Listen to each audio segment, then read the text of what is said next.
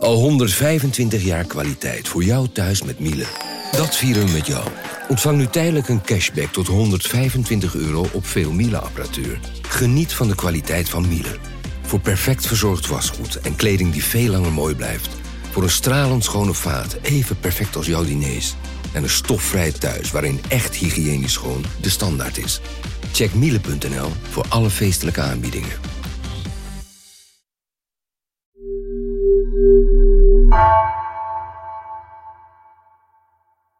Nou, ik, ik ben nu wel heel benieuwd welke soorten we, hier gaan ontdekken, mooi- Henk. Ja. We gaan even een, een rijke boom zoeken. De, de, de vierde was Een rijke boom. had het meest.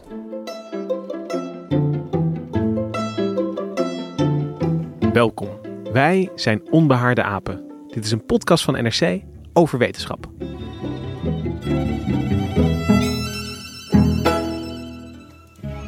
Ze zijn geel, grijs of radioactief groen. Je kan ze zien op bruggen, oude bomen of op terrastegels en vervallen muren. Maar het liefst boent de mens ze met een borstel weg. Korstmossen, de lelijke eendjes van de openbare ruimte. Maar dit onooglijke organisme is met een comeback bezig. En van dichtbij bekeken lijkt dit lelijke eendje misschien een prachtige zwaan, waar we van alles van kunnen leren. Mijn naam is Lucas Brouwers en vandaag zit ik in de studio met Marcel Adenbrug en Hallo. Gemma Veneuzen. Hoi. Hi. En eh, Gemma, je, we hoorden jou ook aan het eh, begin van deze aflevering een rijke boom uitzoeken. Dat was niet een, een, een boom, eh, een geldboompje. Was het maar waar. Nee. Ehm, ik was op een mooie, maar heel koude en vooral winderige aprildag in Hartje, Amsterdam, op verkenningstocht met Henk Timmerman. En hij is een amateur lichenoloog. Ehm, hij is eigenlijk vertaler, maar in zijn vrije tijd heeft hij sinds twaalf jaar een grote passie voor korstmossen opgevat. Ik moet wel bekennen, eh, ik was vroeger altijd een beetje iemand die de, de korstmossen.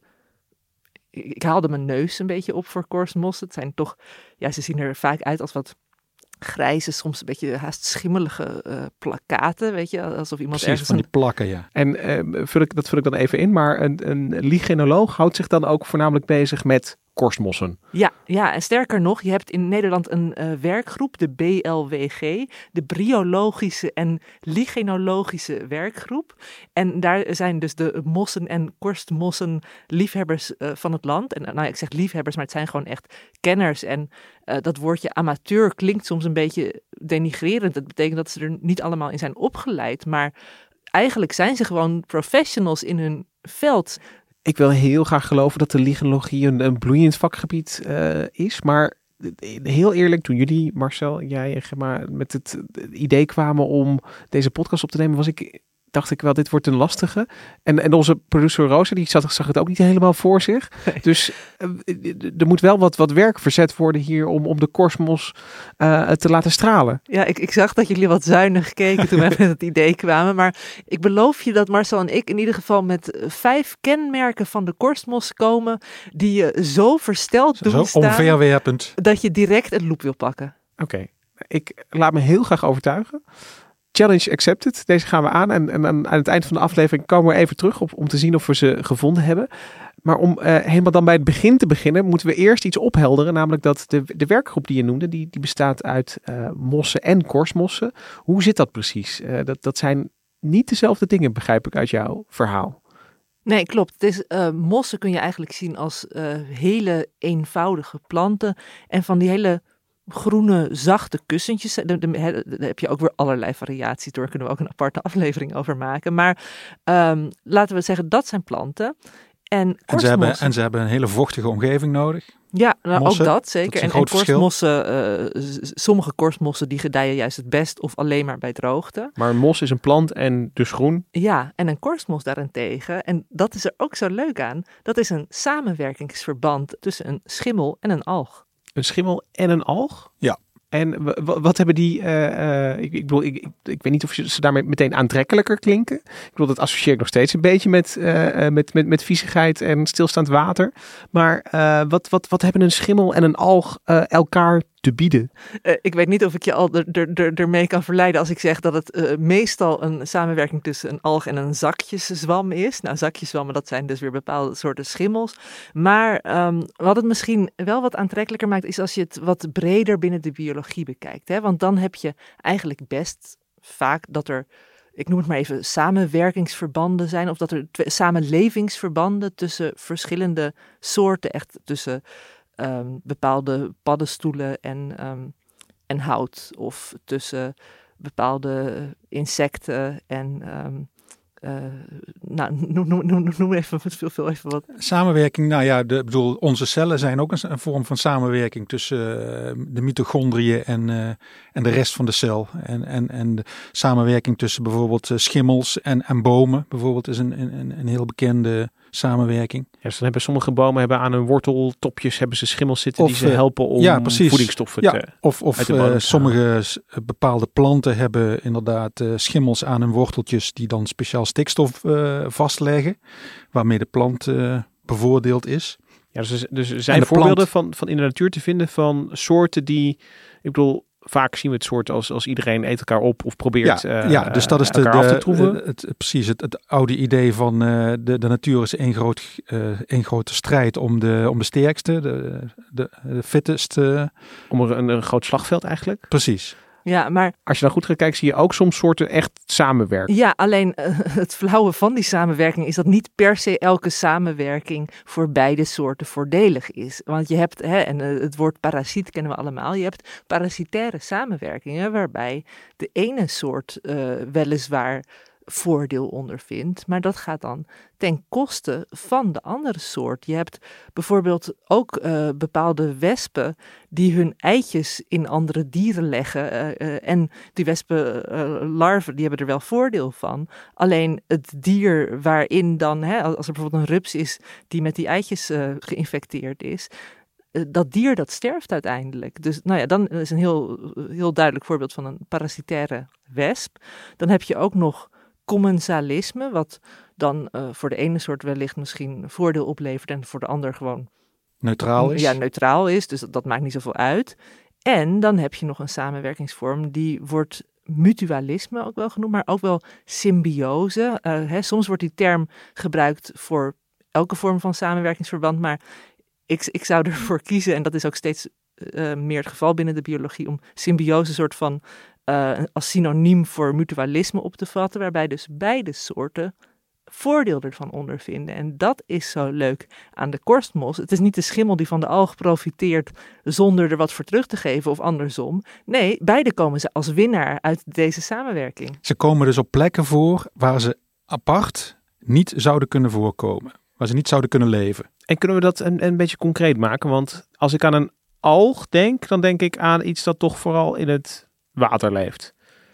Uh, of, of uh, nee, het kan ook gewoon vrij, vrij uh, bedoel, je hebt ook soms van die, groene aanslag. van die groene aanslag op beelden, bijvoorbeeld. Ja. Nou ja, dat zijn ook algen. Maar een beetje een, een, vochtige smurrie, dat is, dat is in, in, mijn, in mijn hoofd Ja, en die, maar die doen wel nou. ook aan fotosynthese, hè? dus die zetten dus zonlicht, zonlicht, om ja. in energie. Ja. En dat is waar de schimmel in dit geval ook van profiteert. Um, want die schimmel, die is weer best wel goed in staat om de alg uh, beschutting te bieden ook. Die, uh, die kan zich op, op, op, die plekken vestigen waar de alg anders niet zo um, uh, zou kunnen voorkomen, omdat de alg anders heel snel uitgedroogd zou raken. Dus eigenlijk is die, die schimmel die voor een soort veilige haven. De schimmel is het huisje, zal ik maar zeggen. Als je kijkt naar, uh, want ze vormen samen een soort lichaam, wat wordt talus genoemd. En als je daar een doorsnede van zou maken, dan heb je um, het bovenste laagje, dat zijn dan de schimmeldraden. Um, en dat is vaak een harde uh, korst. Uh, en daaronder heb je wat lossere schimmeldraden en daar zijn die algen ingevangen. Dus die algen die uh, worden dan van buitenaf beschermd. Uh, de, de, de schimmel die maakt ook bepaalde stoffen aan, secundaire metabolieten, die, um, die bijvoorbeeld UV-straling kunnen tegenhouden. Nou ja, in die zin wordt het idee dus ook dat de alg dus een soort huisvesting heeft en, en ook bescherming geniet. Er is ook discussie geweest over, heeft die alg er nou voordeel aan of nadeel aan? Want als je de alg apart hebt op plekken waar die zou kunnen groeien, dan groeit hij vaak sneller. Want Dan dan wordt wanneer, energie niet afgepakt. dan wanneer die ja. in, de, in, het- inderdaad Ah. in, in het korstmos groeit. Nou. dus men dacht van, maar wat, wat voor voordeel heeft de alg eraan? En ik bedoel, wat het dan precies is, misschien is het ook bij verschillende algen net weer even iets anders. Er zijn verschillende ideeën over wat het voordeel is voor de alg. Nee, maar ik vond het wel mooi. Ik was laatst ook op pad met Klaas van Dort. Ook een eh, hele enthousiaste ligenoloog en bosecoloog. En ik vroeg hem ook van, eh, hè, eh, hoe denk jij nou over die symbiose? En is het voor beide partijen nou echt een win-win situatie? En hij stuurde me toen nog een mail waar ik ook wel uit, uit wil citeren. Want hij kan het ook altijd heel lekker beeldend uitleggen. Hij zei, of alle partners er gelukkig van worden is moeilijk te zeggen. Je kunt ook bedenken dat de alg door de schimmel wordt uitgebuit. Want Ja. die moet immers de voeding voor de schimmel leveren. En dat lijkt me een nogal zware opgave. Ja. Maar inderdaad, hè, die alg die krijgt er dus bescherming voor uitdro eh, tegen uitdroging voor terug. En hij kan op plekken komen waar het dan zonder die schimmel Precies. onmogelijk zou zijn. ja. Maar eh, Klaas die zei van ja... ehm, hè, eh, dankzij de schimmel kan de alg dus zijn leefruimte uitbreiden. Maar zit wel in een schimmelweb als een soort gevangene. Jij noemt het net een huisje, maar volgens Klaas is het Ja, dus het ook kan wel ook. een soort Ja, precies. gevangenis. Nou ja, er zijn ook microscopische foto's van dat, dat zo'n schimmeldraad echt door zo'n alg heen eh, spiest. Ehm, ik bedoel, dat, dat doet mij een beetje denken aan body snatchers, eh, zal ik maar zeggen. Of van die ruimtewezens die zo Ja, in, ja. in onze hersenen prikken en ons leegslurpen. Ja. Maar eh, Nou, daar- Goed. Dat, dat is wel weer interessant. Eh, Maar, maar, maar even om het even samen te pakken. Dus de, de, de, de alg heeft eigenlijk de, de grootste superkracht op aarde. Net als planten namelijk dat je, dat je uit, uit zonlicht energie kan maken. Ja. Dat is natuurlijk, ik bedoel, dat, dat, dat, dat is echt letterlijk het eten is- haal je gewoon uit, eh, eh, uit het licht wat op je bolletje valt. Super fijn. Ja. En, en de schimmel voegt daar aan toe in deze samenwerking dat hij dus, eh, nou ja, we- weliswaar de alg voor, eh, voor hem of voor het aan het werk zet.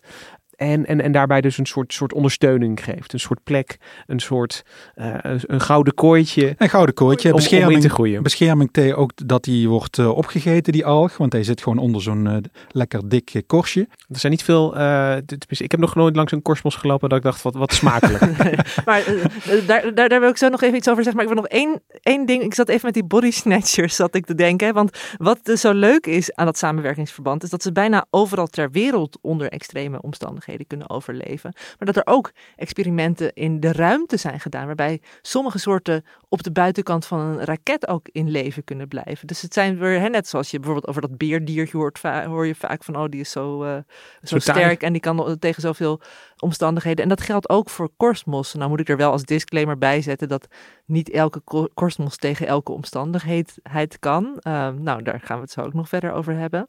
En hoe verstrengeld zijn eh, kor- de schimmel en alg eh, in deze relatie? En, en, en dat bedoel ik eh, evolutionair gezien. Heeft, heeft elke...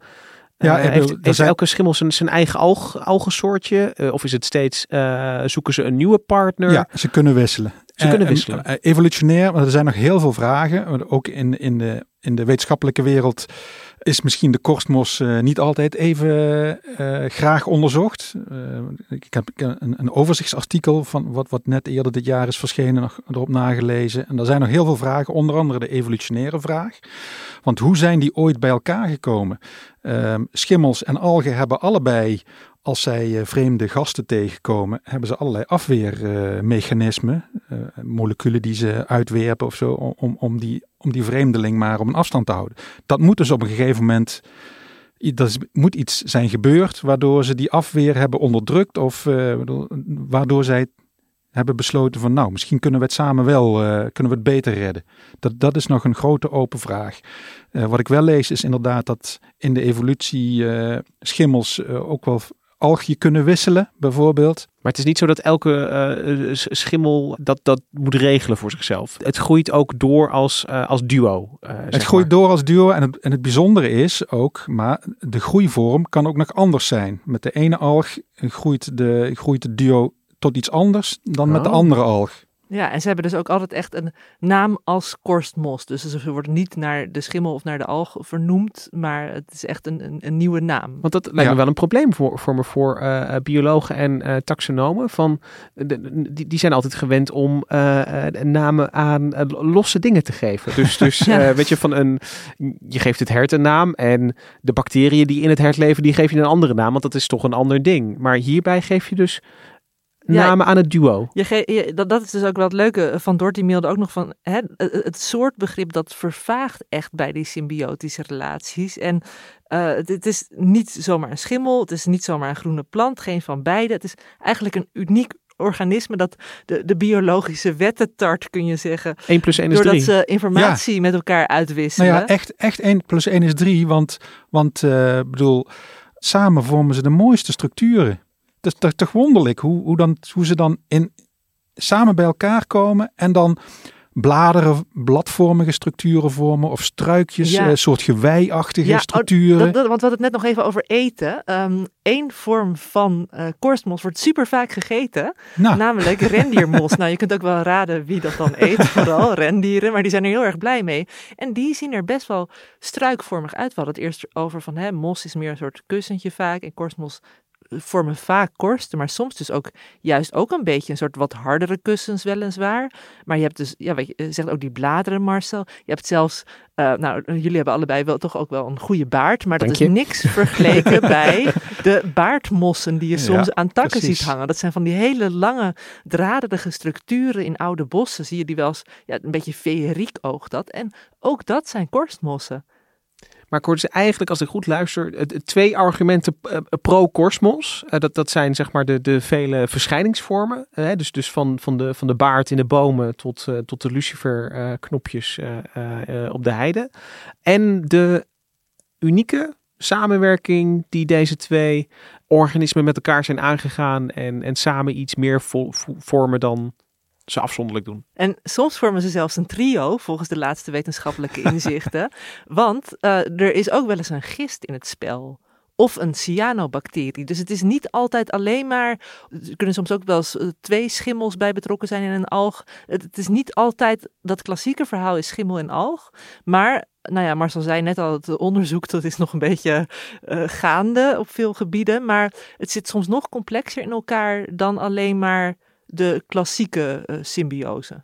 Eh, dat doet me ook heel erg denken aan, aan koraal eigenlijk. Wat ook een, een samenwerking Ja, is tussen een, ja. een, een, een diertje en een eh, eh, alg eigenlijk. En, en, en zijn er nog meer, ehm, ja, zal ik maar even noemen, eh, feitjes die, eh, die kinderen zouden kunnen overtuigen. Van, van een tijger vertel je altijd eh, eh, ja, hoe, groot, hoe, hoe zwaar die weegt en, en hoe hard die kan rennen. Maar heeft de korstmos nog een, een, een, een statistiek, een, een feitje waarmee je... Een selling point. Ja, een, een, een USP. Nou, wat ik zelf altijd heel, ook als kind al best wel indrukwekkend aan korstmossen vond, eh, is dat ik altijd hoorde, ja, je moet ook wel voorzichtig zijn, ook met dat rendiermos, hè, maar maar ook gewoon met, met korstmossen op, op stenen. Want korstmossen groeien heel langzaam en kunnen ook heel oud worden. En nou, ik heb eh, tijdens de excursie met Henk toch nog eens gevraagd van hoe oud is oud precies dan? En, en hier heb ik nog eentje, dit is dan, of is dit vogel? Nee, nee wat is het? Die is dood. Oh, die is- oh. Als ze doodgaan worden ze wit of bruinig. Wel Ah, ja. En, ja, dus en hoe gaan ze dood dan? Door ouderdom? Of, eh? Ja, elk kortman heeft natuurlijk een bepaalde leeftijd. Ook. Eh, Op, op bomen eh, kunnen ze wel vrij oud worden. Op steen kunnen ze heel oud worden. Hè? Ja, echt duizenden jaren, toch? Nou Of- ja, dat, of- dat, dat, dan moet je wel heel erg, heel erg hooggebergd zijn met enorme barre omstandigheden. Waarbij ze maar een tiende millimeter per jaar of zo groeien. Mm. Maar hier groeien ze natuurlijk over het algemeen zo'n gematigd klimaat sneller. Ja, want je zei, je Ja. ziet nu al soorten Ja, die er vier jaar geleden ja, niet ja. waren. Maar, maar hoe oud? Op bomen wel tientallen jaren? Dat Of- kan, dat kan wel, ja. Ja. Meestal niet, hè. Meestal, kijk, eh, die- zo'n soort als hier, zo'n zo'n plekje als hier, dit. zo- Zo'n 2 centimeter is het ongeveer. Ja, dat schat je dan eh zo'n zo, zes, zeven jaar of zo, acht Oh ja. jaar misschien. En, eh, je, hebt- en als deze groter worden, nou, dan kunnen ze zo groot als je hand worden.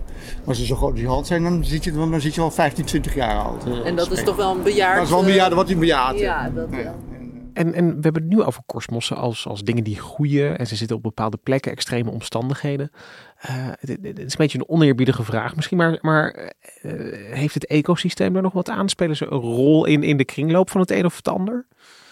Nou, Uh, nummer 1, uh, korstmos minnend dier, is natuurlijk het rendier. Dat zijn buikje graag rond eet met rendiermos. En sowieso in de winter is soms dat echt het enige, dat is echt stapelvoedsel voor rendieren.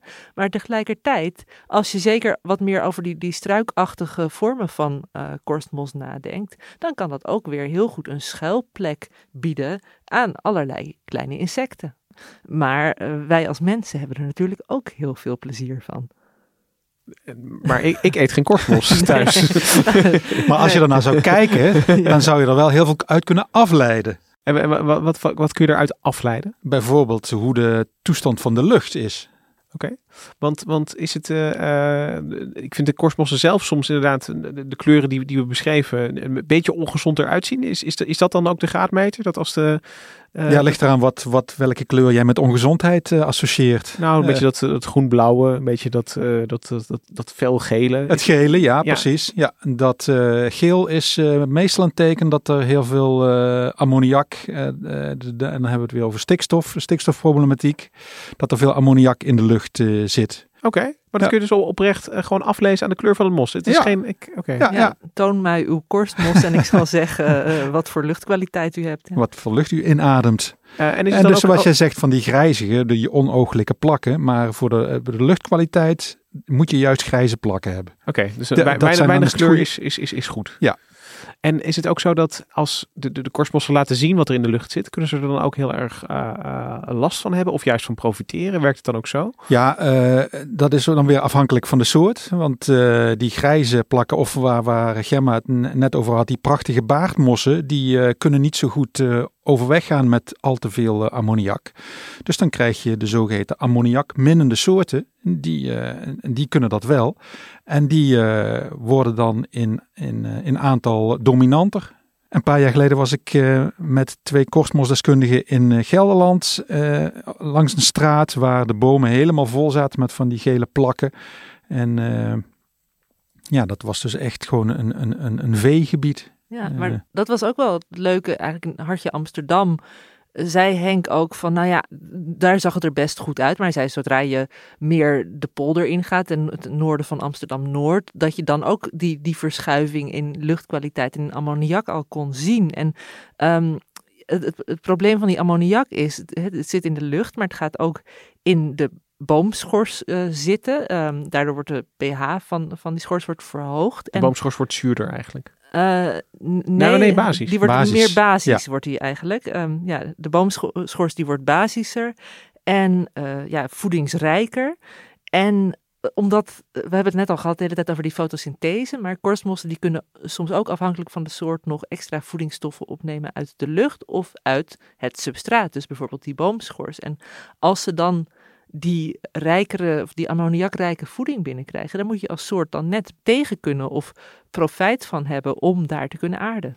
Ja, en zo hadden wij bijvoorbeeld, uh, wat is het, jaren uh, 50, 60, op een gegeven moment stookten we heel veel steenkool, kwam er heel veel zwaveldioxide in de lucht.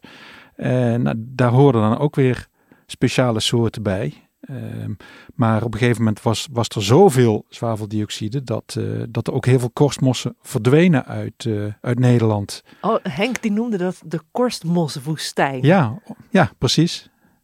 Die is de laatste decennia weer afgenomen. Of ja, hoe zeg je dat? Die, die korstmoswoestijn is weer in een korstmos toename veranderd. En uh, nou, ik had het er met Henk ook even over hoe die wederopstanding dan kwam. En, en hoe kan het dat het uh, zo aan het toenemen is dan? Uh, verschillende zijn meerdere factoren. Het eerste is de luchtvervuiling van zwavelstofdioxide. Die is heel schadelijk voor bijna alle koolsmossen. Die is ontzettend afgenomen met 98% sinds de jaren 90. Dus dit is geen factor meer. En uh, de klimaatverandering heeft een heleboel uh, soorten die warmteminnend zijn de stad ingedreven als het ware. En de stad is altijd al wat warmer dan de omgeving, dus die voelen zich hier heel erg thuis. De meeste nieuwe soorten, die noemen we dan nieuwe soorten, maar die komen dan uit Midden- en Zuid-Europa, die vinden we uh, tegenwoordig vaak in de steden en niet buiten de stad. Nou, over wind gesproken, je hoort wel dat ik daar op een uh, winderig stukje stond met Henk. Maar is het zo dat, dat de, de wind letterlijk nieuwe de, het land in kan blazen? Heb ik dat goed begrepen? Ja, die, uh, die sporen eigenlijk, hè, waarmee ze zich verspreiden, die zijn ontzettend licht. Dus uh, de, de wind is de, de verspreider van de korstmossoorten. Ik was een paar jaar geleden dus ook op stap met een paar korstmosdeskundigen. En daar hadden we het ook over waarom die situatie zoveel beter is geworden. Uh, nou, Nederland heeft in de jaren 60 dus de gasbel onder Groningen ontdekt. Waardoor we heel snel van steenkolen op gas zijn overgestapt. Dus we hadden de huisstook van kolen niet meer. En daarna is er ook nog strengere milieuregelgeving gekomen voor de kolencentrales, die, uh, die hun, uh, hun uitstoot moesten, moesten opschonen. En daarmee is dus eigenlijk al vanaf midden jaren 60 zo'n beetje uh, die zwaveldioxide uh, afgenomen. En die groei van het aantal benoemde soorten, dat is wat ze toen ook nog vertelden, is omdat ze heel wat nieuwe soorten hebben ontdekt die er al waren, maar die nog niet, die nog niet bekend waren. En dat er iets van, van de 300 nieuwe soorten, uh, iets van 30 geloof ik, ehm, echt nieuwe soorten uit het, uit het zuiden door klimaatverandering waren opgerukt ja, naar de, Nederland. De warmteminnende, de soorten die soorten. nemen toe en eigenlijk de, ja, de, uh, dat, dat verschilt heel erg per soort. Ik bedoel, sommige die gedijen juist in de schaduw en bij koelte, maar die uh, worden in die zin een beetje verdreven dus. En uh, als, als ik het goed begrijp, is dus ook die uh, hernieuwde interesse vanuit de wetenschap voor korstmossen dus ook nog, speelt hier ook nog mee. Dat, dat, dat we nog steeds nieuwe soorten aan het beschrijven en benoemen zijn. Ja, precies. Dus ik, ik, ik proef ook toch onder, een, en ook in jullie enthousiasme, wat ik er een beetje onder vermoed, is dus toch een soort minderwaardigheidscomplex ergens. onder lichenologen en, en, en misschien ook niet onterecht. Misschien, misschien zijn de te lang genegeerd door de, door de biologie. Ja, maar ja. dat vind ik dus ook het leuke aan Nederland. Uh, dat er hier eigenlijk hele toegewijde korstmosonderzoekers zijn. En Henk gaat ook dan ook regelmatig kijken van welke soorten zijn erbij gekomen. Hij heeft uh, voor Amsterdam ook echt nieuwe soorten ontdekt.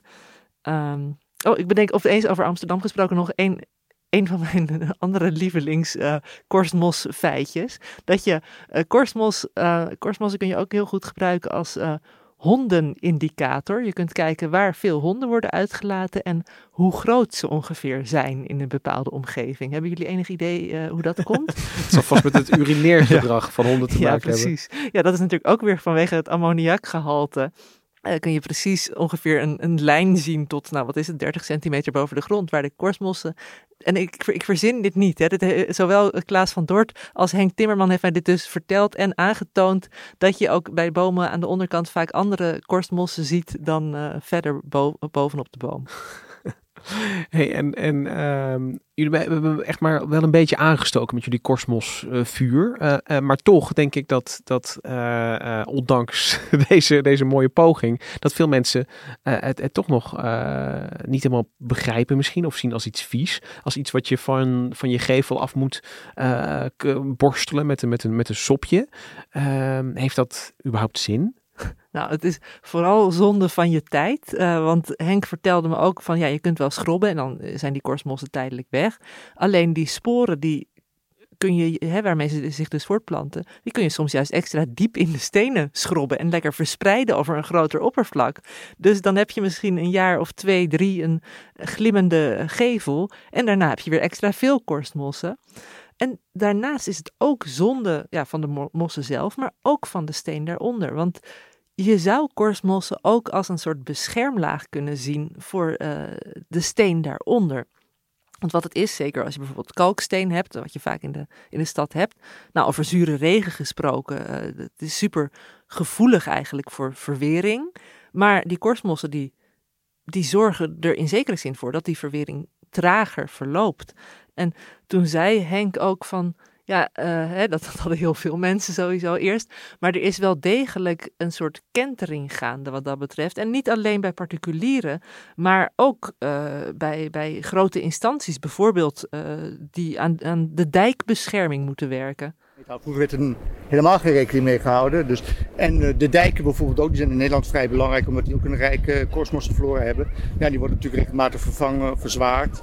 Zo was er bijvoorbeeld een hele mooie oude dijk bij Delfzijl.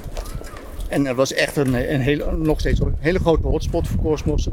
En die wilden ze gaan, vervangen, die wilden ze gaan verzwaren, verbreden, vervangen. En die wilden ze gewoon met beton overstoten. En dat zijn van die hele mooie grote Noorse stenen, noemen we dat.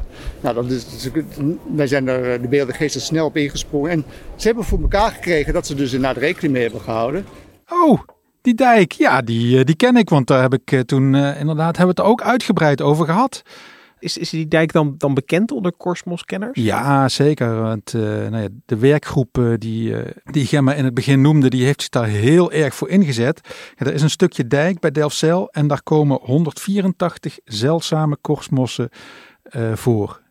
En nou, ze hadden het plan om die dijk opnieuw te gaan ingieten ter versteviging. Dus uh, mannetjes, lekker werken, ingieten. Maar ze, de, de lichenologen die, die zagen het al gebeuren, al die zeldzame soorten weg. Dus ze hebben zich daar jaren voor ingezet. En ehm, nou, met succes. Hij, met succes. En echt een korsmos oase was dat dus. Ja. Is dat dus nog ja, steeds? Nog, ja, ja. En, en uh, omgekeerd, want ik, ik, ik, vroeg net van, van over het schobben van korsmos, maar kun je het nou ook uh, uh, je tuin of je bomen nog uh, aantrekkelijker maken voor korsmos. Als, als, als, als je bent ja, je had het net over die honden. Ja, precies. Ja. Van, van wat... wat uh... Zet honden in. Nee, um, ik, ik, vroeg ook aan Henk, want ik had ergens op een website gelezen dat je ook zelf korsmos in een mixer kon doen met karnemelk. En dan een soort steen met een papje kon insmeren en dat het dan zou gaan groeien. Maar dat werkte niet goed volgens hem. Hij deed er een beetje, um, hoe zeg je dat? Hij, hij, hij, hij vond het niet een heel goed idee, geloof ik, okay. om zelf op die manier te gaan knutselen.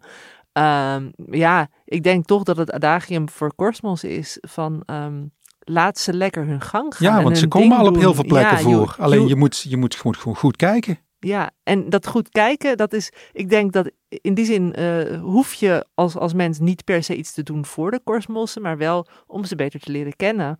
Uh, ga met een loep op pad. Ik ben zelfs helemaal vergeten dat we met een, met een soort uh, wedstrijdje bezig waren om, om overtuigd te, te oh ja, raken. Zo, ja, zo hard gingen we.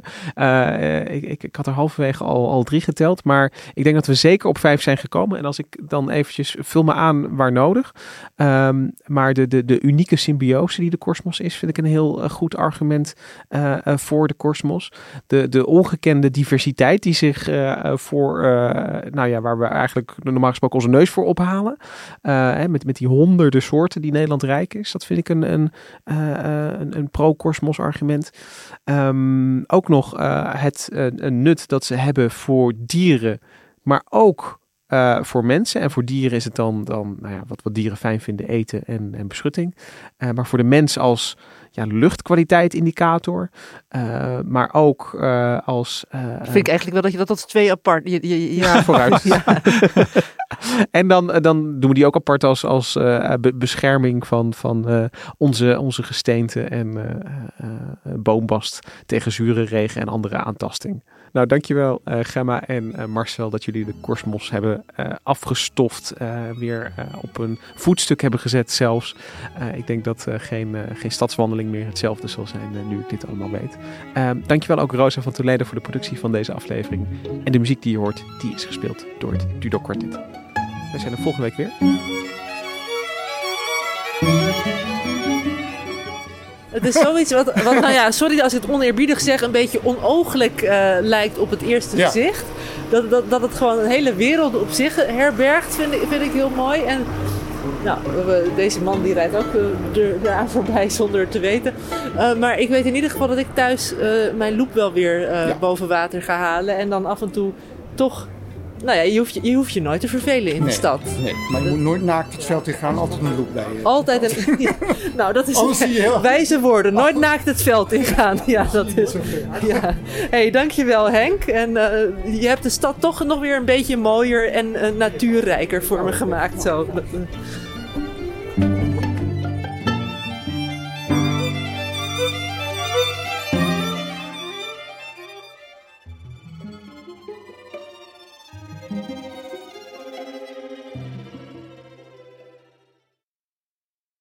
Technologie lijkt tegenwoordig het antwoord op iedere uitdaging. Bij PwC zien we dit anders. Als we de potentie van technologie willen benutten, kunnen we niet zonder een menselijk perspectief. Human-led, tech-powered noemen we dat. Ga naar pwc.nl.